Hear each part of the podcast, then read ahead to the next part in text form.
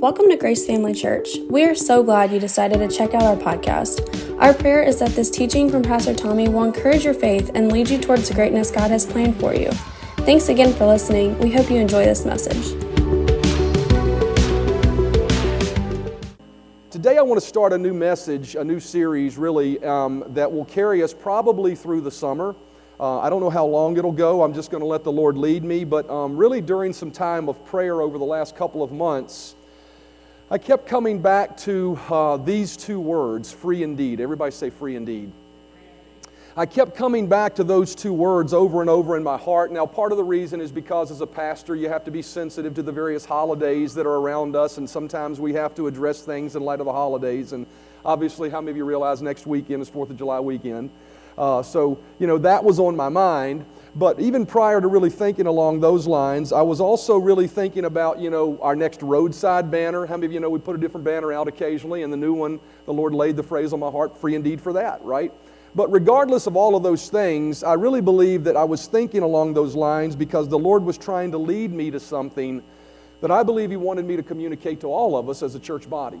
And so uh, he led me to the verse of Scripture where Jesus spoke the words about being free indeed. And so I'm going to read to you John chapter 8, verse 31 through 32 and 36, and then we'll pray.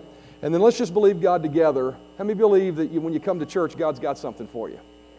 Amen. And how many of you realize if God could use a donkey to speak to Balaam, he can use me to speak to you? Amen. So just trust God that God will use this old donkey to share something to you that'll be a blessing to you and help your life. But John chapter 8, verse 31, 32, and 36 says this It says that then Jesus said to those Jews who believed him, If you abide in my word, you are my disciples indeed. And you shall know the truth, and the truth shall make you free. And then verse 36 says, Therefore, if the Son makes you free, you shall be free indeed. Everybody say, free indeed. Let's pray. Father, thank you so much for your word. I thank you for the truth that we find in your word. And I pray that as I approach it today, that you'll use me to speak to your people. Get all of me out of the way and just, Holy Spirit, speak through me. Use my tongue to write upon people's hearts. Use my tongue to inspire faith and grace in people's heart to rise up and be all that you've called them to be, to receive all that you want to bless them with, to live free from all that that, that may be shackling them or binding them or just dogging them in their life. I give you praise and thanks for that, Father, in Jesus' name. Amen. You know, um, as I was reading these words, once again, I, the, the, phrase free indeed, so I've titled the series Free Indeed. Um, you know, that, that phrase stood out to me, and as I thought about that, I really felt like the Holy Spirit was, you know, you know, when, we, when you live in Christian circles and, you, and, you, and, and, you know, a lot of the people in this church, I would consider you really true disciples of the Lord, right? Um, it's easy to hear a phrase and it become just a Christian phrase. So the phrase free indeed can certainly seem like just a Christian phrase, but the Lord challenged me to really think about what that word and that phrase means.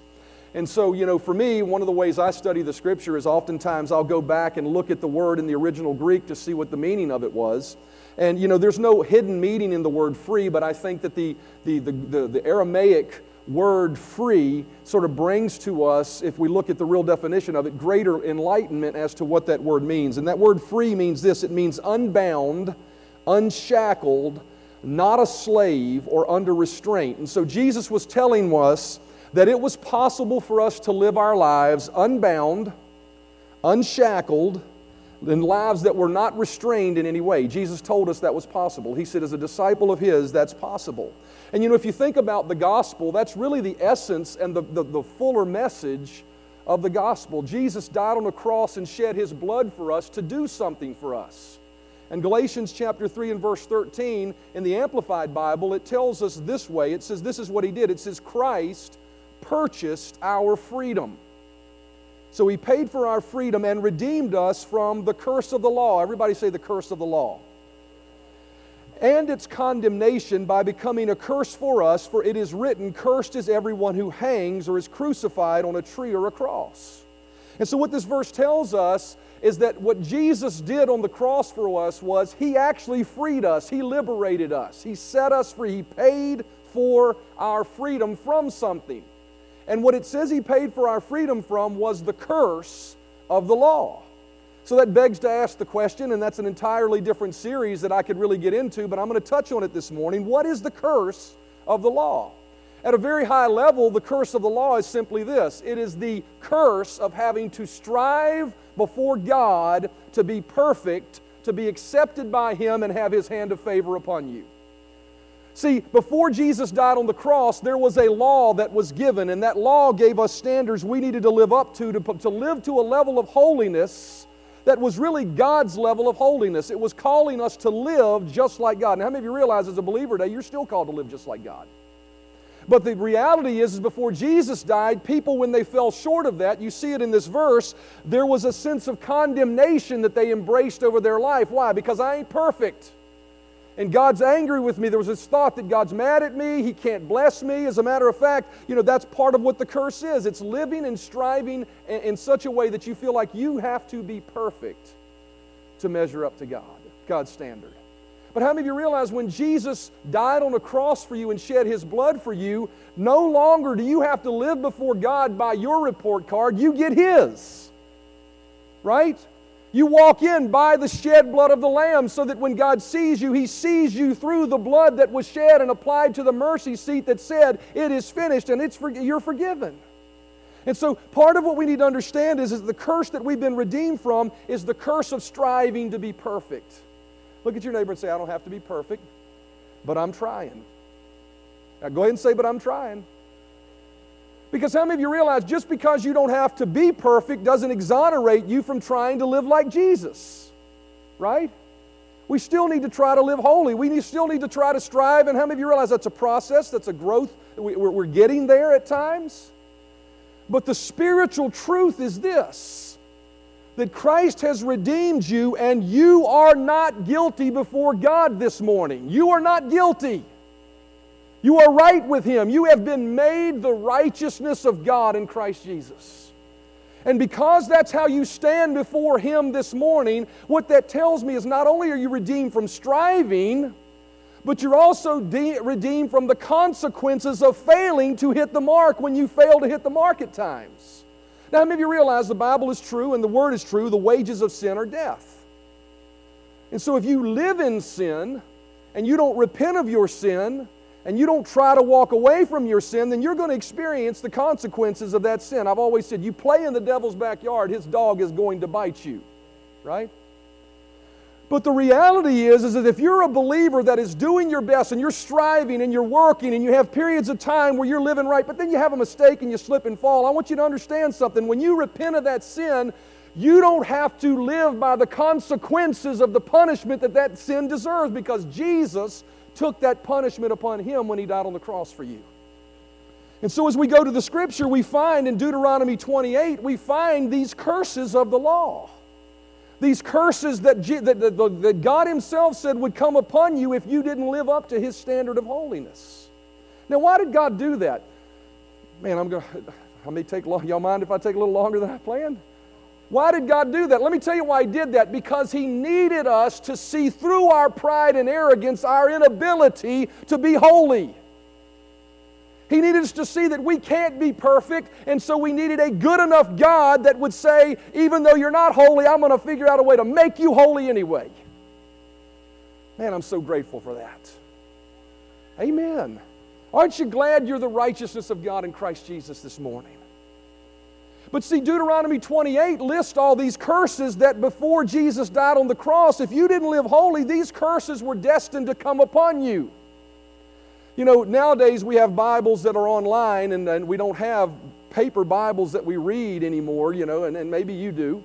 But if you have a paper by my Bible, my study Bible, I can tell you in Deuteronomy 28, when it says all these curses shall come upon you, every, every verse has written next to it, not me, not me, not me, not me, not me. Why? Why not me? Because I've been redeemed. And that is not something that, that God says that is, a, that is a part of my future. So, not me. So, what are some of those not me things? I'm not going to dig into it. I encourage you to go back and read Deuteronomy 28, and as you read it, write next, not me next to every curse and write yes me next to every blessing. But here's what he says one of those things is bondage to sin. Everybody say bondage to sin. What do I mean by that? I mean, I mean uh, hooked on a sin you can't shake. How many of you realize God doesn't want you walking around as a spiritual being that has an, a spiritual Achilles heel? You know, everybody's got places where we're tempted more than others, and sometimes it's different for other people, but God doesn't want you enslaved to that thing. So, bondage to sin is one of the things that's a part of the curse. Here's another one bondage to physical or spiritual enemies. How many of you realize we have, how many realize you can have spiritual enemies? You still need to love them and pray for them, but they may not like you, right? And one of the curses is, is enemies coming against you, saying bad things about you, and setting you up for failure and causing destruction to come upon you. How many realize you're not captive to the evil intentions of people that don't like you? You're free from that. That's a part of the curse of the law. Not only that, but spiritually. How many of you realize the Bible says we don't wrestle against flesh and blood, but we wrestle against principalities and powers and spiritual darkness in high places? There's a very real host of uh, enemies. Instead of angels, there are demons and, and, and devils and, and, and all of those things that try to come against us. They are spiritual things. But how many of you realize Jesus paid for you to be free from demonic attack and demonic oppression, possession, whatever you want to call it? Amen. Jesus came to set you free from it. Not only that, but if you read through De- Deuteronomy 28, you'll find that mental anguish and mental decapacitation is a part of the curse. You know, there's some people that just fight depression all the time. They fight, you know, um, you know, ways of thinking that bring them down and bring them to dark, dark places. The Bible tells us that that's a part of the curse of the law, and you've been redeemed from that depression and heaviness, you don't have to live under this morning because you have been set free because of what Jesus did for you. Not only that, but financial poverty and lack. What do I mean by that? I mean not being able to pay your bills on time. You are free from that. You say, I don't feel like it, it don't look like it. I don't care what it feels like or looks like. I'm talking to you about spiritual truth that if you know the truth, the truth will set you free from that eventually. You are free from living in lack. Not only living in lack, but you're free from living in barely get along and just barely getting by. How many of you realize if you got all your bills paid but you just got barely enough to get by, that's a good thing, right? But that ain't the best thing for you. How many realize God wants you to have an abundance so when you walk in, and listen to me, this is my, I'm telling you this, so that you can walk into the grocery store and somebody in front of you has a $300 grocery bill and you can say, Bless God, I'm going to pay for your bill. Amen and no skin off your nose to do it. Oh, it's going to be a sacrifice. Well, that's good if it's a sacrifice and the Lord told you to do it. But God don't want you living in that place. If you read through Deuteronomy 28, the opposite of the curses are the blessings, and you'll see the blessings. It says the blessing of the Lord will chase you down and overtake you, and your vats will be filled with plenty. Plenty. Amen. Amen. Not only that, but perpetual failure you're redeemed from. You ever just seem like you can't, you ever hear people even say it, I just can't seem to get ahead. You're redeemed from not seeming to get ahead. You ought to quit saying that because it's a lie of the devil. Amen. I take two steps forward and take three steps back. Well, that's a part of the curse. You're redeemed from it. Not only that, but you're redeemed from social restraints. What do I mean by that? You know, some people, they wind up stuck. They, I mean, I used to say, you know, people have ceilings on their life. You know what I mean by ceilings on your life? You, you only think above a certain level.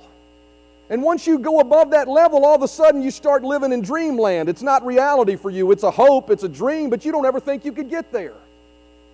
And there are some people that live at socioeconomic statuses in their life that they think that's all I'll ever be. Listen, God has redeemed you from living under a glass ceiling. Jesus paid the price to shatter that ceiling so you can rise to the levels He needs you to be at. Why? So you can be something great? No, this has got nothing to do with that. It's got nothing to do with you being something great. It's got to be with God bringing you to the places of influence in your life so that you can be a blessing for the kingdom of God. See, some people say, well, all I need is us four, no more. What about the poor soul next to you? Maybe they need something, you selfish thing. Amen. See, that's a lie of the devil to think that he wants to keep you down and keep you just, you know, remember the old picture of the old guy sitting at the table with the loaf of bread with his hands folded. He's such a somber, holy guy. And you know, somber, holy he may be, but I can tell you what, if he's in that spot, he can't help the guy down the road that's hurting. You say, well, he could bless him with his smile on his heart. Yeah, he could, but if the guy needs to pay his rent, he can't help him. Amen.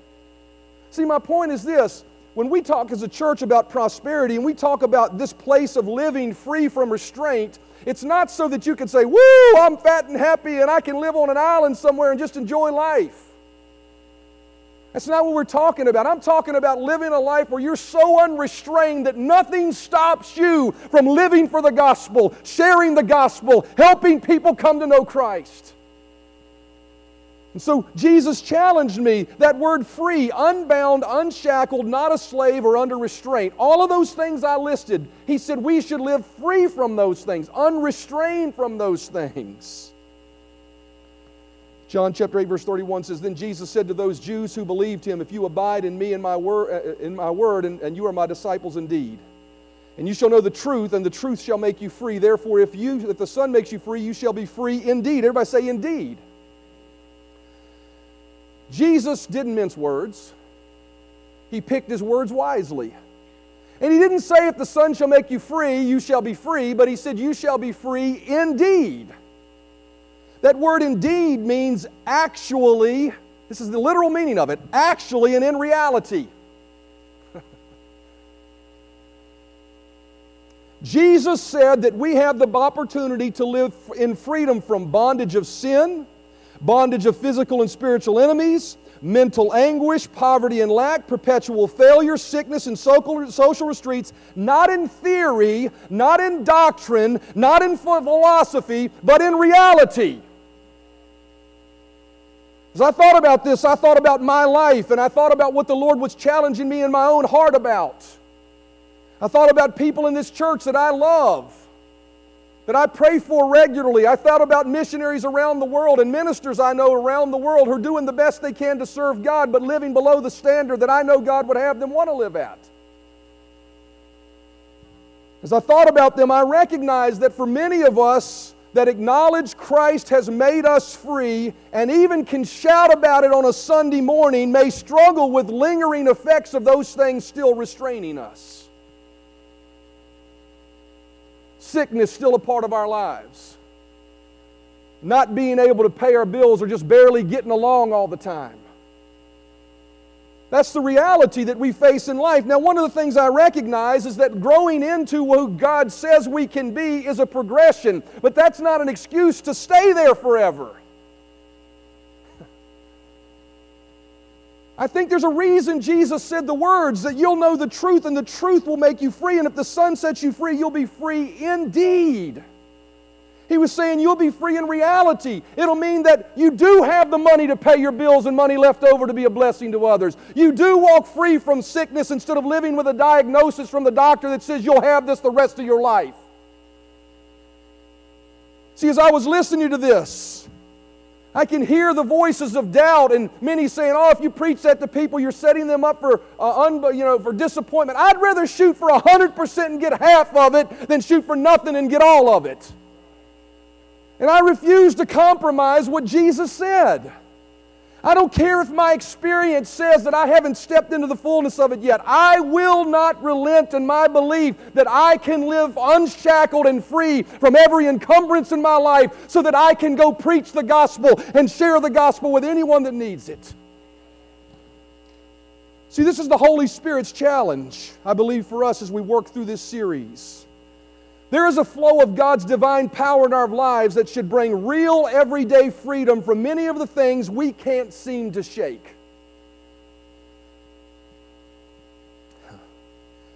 So, after having this pointed out to me by the Holy Spirit, I began to ask the question how do we get to that place of living? How do we change things so that we're not living with the same thing over and over again that we shout we're free about on Sunday mornings, but we're not actually free from it Monday through Friday? How many believe we ought to just be real? Because I got to tell you something. God loves you so much. He loves me so much. He do, Jesus does not want us living shackled, bound lives. So I think about that in light of the vision for this church. God wants to blow the roof off this building. Why? Because there are people that need the Lord.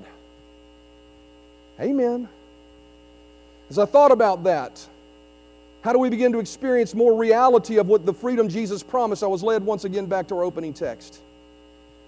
It says, Then Jesus said to those Jews who believed him, If you abide in my word, you are my disciples indeed, and you shall know the truth, and the truth shall make you free. Therefore, if the Son makes you free, you shall be free indeed. Notice verse 32. Jesus said, If we know the truth, the truth would make us free. Now, first of all, I want you to notice the phrase shall make. That word shall make in the King James Version is translated will set you free. The truth will set you free. And what that phrase means in context is that the truth itself will do the work of freeing you so that you don't have to do it yourself. It's talking about something supernatural, it's talking about divine intervention in our lives. How many of you realize we need God in our lives? The psalmist David said, Open wide your mouth and I will fill it. That's what God says to us. I fear that many times our mouths are open a bit like this. Because we limit God. We allow the things that shackle us to just be parts of our life that we accept instead of saying, wait a minute, bless God, I am not buying this. This is not for me. I am opening wide my mouth and I'm expecting Him to do something I can't do. Why? Because He said the truth would make me free. Does that exonerate us from doing our part? No, we're going to work through that as we work through this whole series of messages. But Jesus said, we were not the ones that would free ourselves. He said the truth would make us free and set us free. That truth would step into our lives and do something we could not do ourselves. It would usurp the normal process and rate of change that have been beyond our ability to change. Right? Amen. And then he also said this. He said, he said, You shall know the truth. Everybody say, Know the truth. That word know is an interesting word. He didn't say, You shall know of the truth. He said, You shall know the truth. How many of you know there's a difference in knowing of and knowing? Right? I know of the president. And who knows what I'm hearing is the truth or not, right? These days. And I'm not talking about him, right? I'm talking about the media itself. I know of the president, but I don't know him. I don't know his heart. I don't know what, I don't know whether he's evil or loves people, so I just have to assume he does. He cares, and I have to pray for him, and I have to keep him in my heart, and I have to pray for his success, not his failure and demise. As I said last week, if you're praying for his demise, you're praying for your own failure, dummy. Pray for his success. That's what the Bible says. Just pray for him. Say, I don't know how to pray for success. He really makes me mad. Well, just pray in tongues then. If you ain't filled with tongues, get filled with the Holy Ghost and pray in tongues for him. Amen. Where was I? No. What does the word know mean? The word know is, and I don't know if I pronounce it right, it's gnosko or genosko, or, or but it's G I N O S K O. It's a Greek word, and this, or an Aramaic word, and it means this to know through personal experience or to experientially know. Paul said, When I came, with, came to you preaching the gospel, I didn't come with the enticing words of man's wisdom, but I came in the demonstration of the Spirit and with power. He was saying that I came to you because I wanted you not only to have the truth and know it up here, but I wanted it to be demonstrated in your life in such a way that now you have an experience and not just an argument. And, and what Jesus was saying was, is, is when you come to know the truth experientially, and this is what we're going to talk about over the course of the next several weeks. How do we come to a place where we experientially know the truth, where we don't just know it up here, where we don't just acknowledge it, where we have a head knowledge, but we have no real heart faith? And, and I'm going to tell you something up front. It's not hard, it's not some magical, mystical place we need to get to. Because God doesn't make stuff hard for us. He said, My burden is easy, my yoke is light. But sometimes we just need some reminders. But as we come to experientially know the truth, it will naturally, everybody say naturally. You won't have to work it up. It'll naturally make you free. You'll look back after you've experienced and say, wow, how that happened. Because we know the truth, we're going to look at that building finished over there and say, wow, how'd that happen? Why? Because the truth says very plainly if you agree as touching anything on this planet, I will do it for you. It's done deal. Amen. Amen. So, how do we experientially know the truth? We're going to find that out over the next couple weeks. But what I want to do this morning is just simply define for you a couple of things. I want to define for you this morning what truth is. And we're going to set the tone of what it is, we're, we're, what it is or who it is we are seeking to experience so that we can be free. What did Jesus say in verse 31? He, said, then Jesus said to those Jews who believed him, if, if you abide in my word. Everybody say, my word. So, first of all, truth is the Word of God. Truth is God's Word. John 17, 17 says, Sanctify them through thy truth. Thy Word is truth. So, the first thing we need to understand this morning is when we need to know the truth, if we want to live truly free and unshackled lives, we have to know the Word of God. The Word of God is the truth, yet oftentimes, I was thinking about this morning, oftentimes we embrace something that is contrary to the Word of God that is in our lives as the truth. Instead of embracing what God's Word says about us as the truth. Isaiah 40 and verse 8 says, The grass withers, the flowers fade, but the Word of God stands forever. What that verse says is this natural things change. He, he uses the terminology grass and flowers, right? Those are things that are natural, they're tangible, you can touch them, they're factual. Everybody say facts. Here's the thing facts change. Therefore, facts cannot be truth. Right? They can't be truth because they change. Trees are green right now. Fact. But if you say trees are green in February, you're a liar. Why? Because they changed. See, facts change, but what doesn't change is truth. And when you learn to embrace truth it and put it in your life, it will change the facts in your life. The facts may say that you are sick. Facts change. Don't embrace that as truth in your life. I was thinking about that. I don't know why I keep talking about the building. I, I, no arm twisting here, but I keep thinking about that. I believe we have $600,000. Well, if I believe that, then the fact that I don't have it in the account is, a lot, not, it's just a fact that is subject to change based on the truth. See, we have to learn to understand what truth really is. Truth in reality is that it never changes. And the only thing that never changes is the Word of God. No matter how much society tries to change truth and tell us what truth is, all they're stating is a bunch of spewed facts that are going to change eventually. Well, hmm, I always try not to be political too much.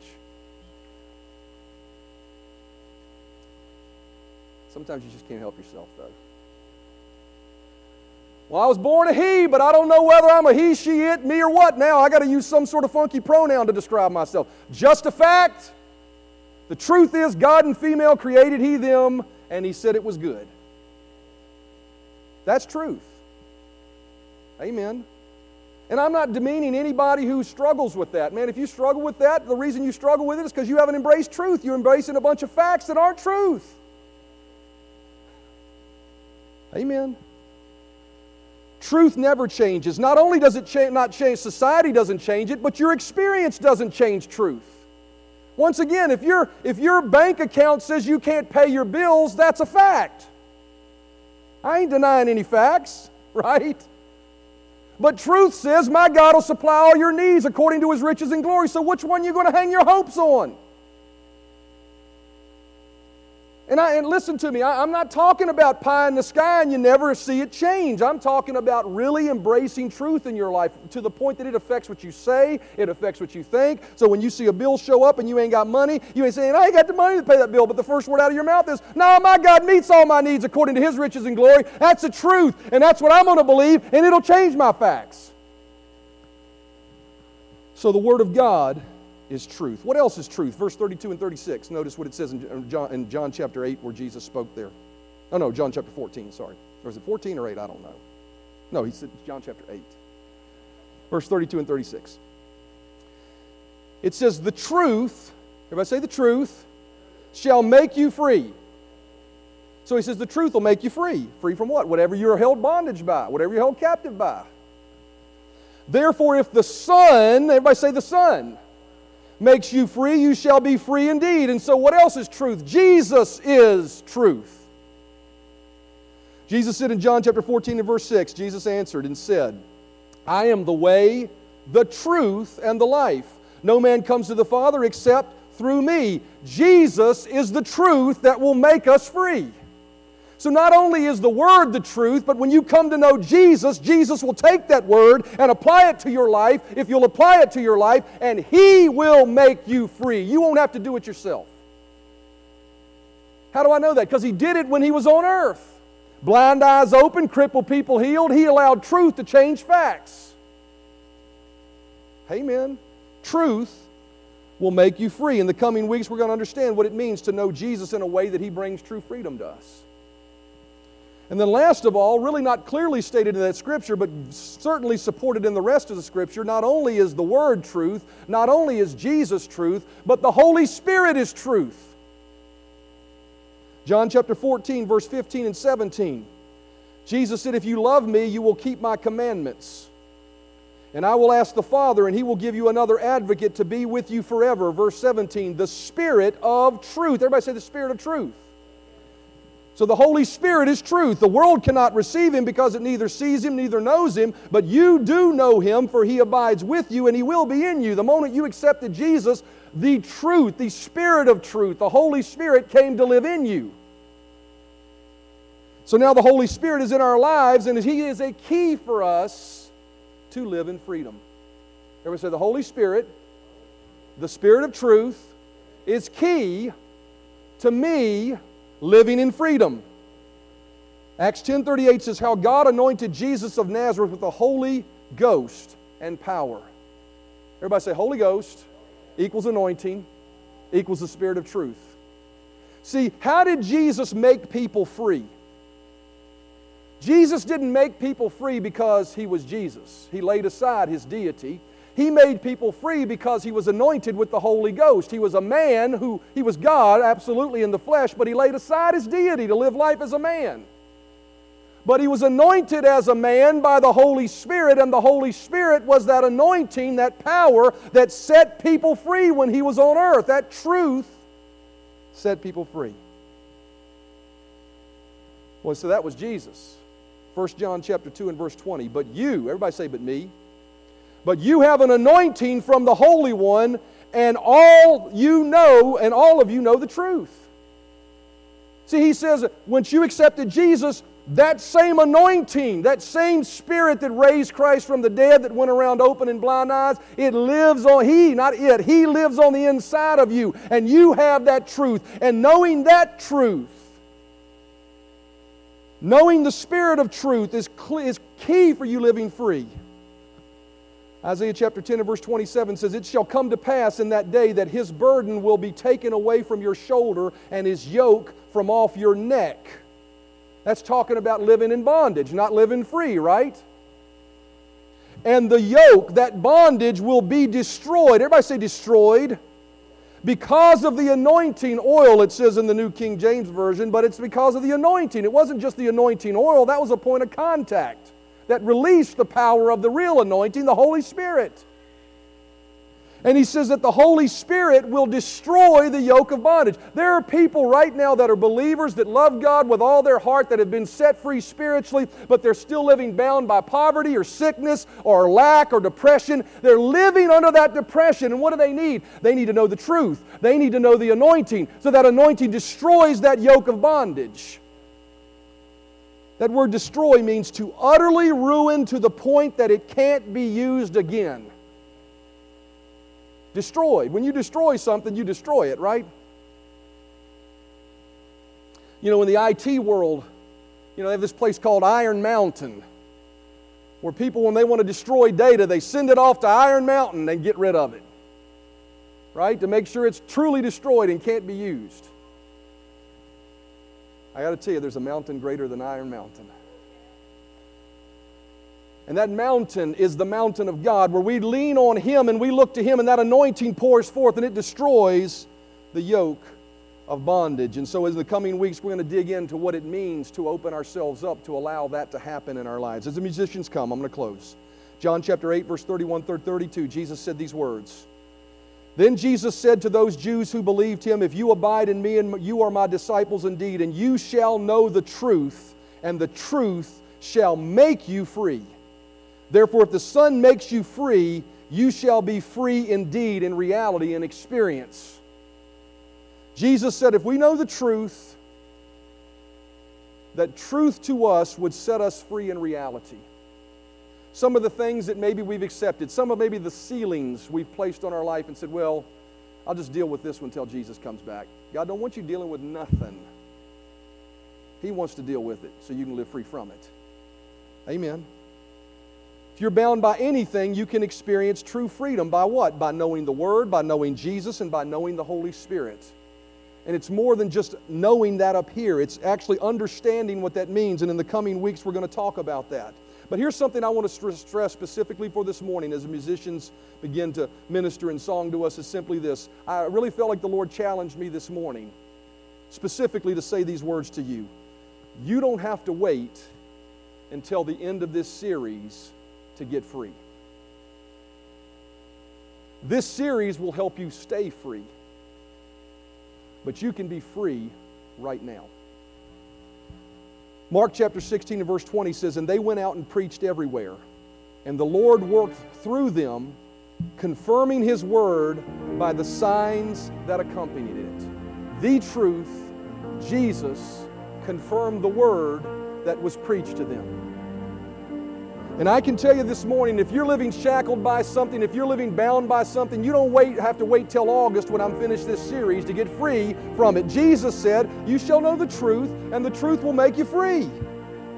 When Jesus traveled and preached, it wasn't a seven week message before he prayed for them. Many times it was often one message on a mountainside, people came running, and Jesus brought deliverance. When Jesus and the Holy Spirit worked through Peter at the gate beautiful in Acts chapter 3, Peter didn't preach a 25 week message to the man sitting at the gate temple, the gate of the temple that was paralyzed. He shared 21 words with him. 21 words. We see it in Acts chapter 3 and verse 1. It says, One day Peter and John were going up to the temple at the time of prayer at 3 in the afternoon. Now a man was lame from, the birth, from birth was being carried to the temple gate called Beautiful, where he was put every day to beg from those going into the temple courts. And when he saw Peter and John about to enter, he asked them for money. And Peter looked straight at him as John did. Then Peter said, Look at us. I say, Look at us. So the man gave them his attention, expecting to get something from them. Now, I can tell you something based on what I know in Scripture. He was expecting to get something for them, but his expectation wasn't the money that he asked for because his expectation was his faith that caused him to be able to receive what he actually got. Then Peter said, Silver or gold I do not have, but what I do have I give you in the name of Jesus Christ of Nazareth. Walk. Taking him by the right hand, he helped him up, and instantly the man's feet and ankles became strong. That really happened. It's not a storybook, it's not Buzz Lightyear. It really happened. We read these things sometimes, and I think because we've been so enamored by technology and fantasy and movies, that we read it through the lens of like it's some fictional book. But this really happened. 21 words. Peter said, Silver and gold have I none, but in the name of Jesus, get up and walk. The man got up and walked. It says he jumped to his feet and began to walk. Then he went with them into the temple courts, walking and jumping and praising God. Peter recognized that this man needed something more than what he was asking for. And the man found freedom. Notice he was expecting something. Verse 12 says, When Peter saw this, all the people were uh, you know, worked up about it. Look at what Peter did. When Peter saw this, he said to them, Fellow Israelites, why does this surprise you? Why do you stare at us as if by our own power or godliness we had made this man walk?